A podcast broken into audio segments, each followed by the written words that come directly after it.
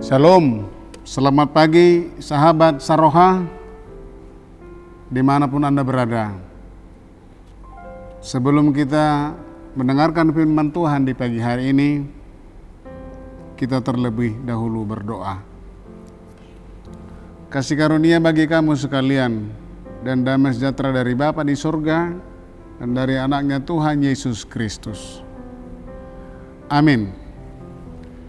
Firman Tuhan yang menyapa kita di pagi hari yang indah ini tertulis dalam kitab Jeremia pasal 17 ayat 10. Demikian firman Tuhan. Aku Tuhan yang menyelidiki hati, yang menguji batin, untuk memberi balasan kepada setiap orang setimpal dengan tingkah langkahnya, setimpal dengan hasil perbuatannya. Demikian firman Tuhan.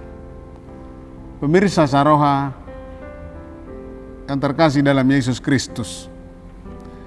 Di hadapan Tuhan, semua kita tidak ada yang terselubung.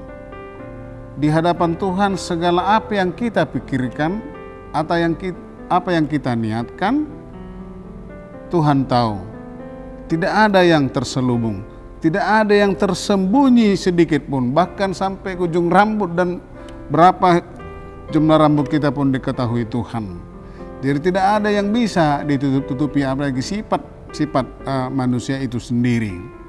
Dan kalau ada usaha pun untuk menutup-nutupi kekurangan, kelemahan, apalagi kejahatan di hadapan Tuhan, tidak ada yang terselubung.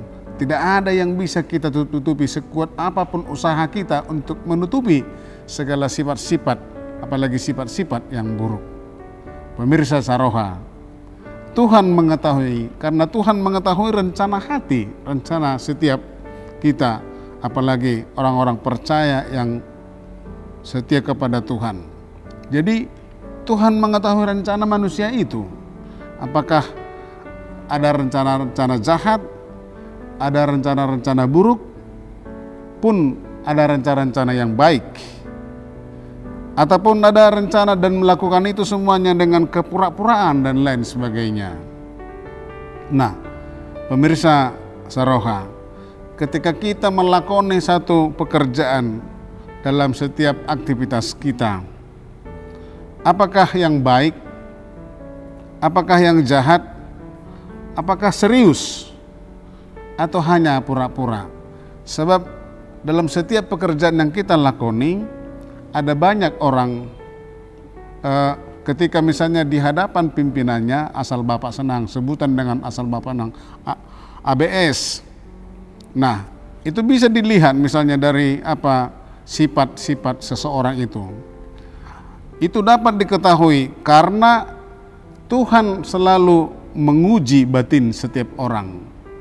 Ketika misalnya melakukan satu kebohongan-kebohongan tipu-tipu misalnya, kalau ada seseorang misalnya nih mengalami getaran hati yang begitu dalam dalam mau melakukan sesuatu hal kebohongan, tipu-tipu, di situlah sebenarnya Tuhan berbicara melalui batin setiap orang, melalui setiap batin kita.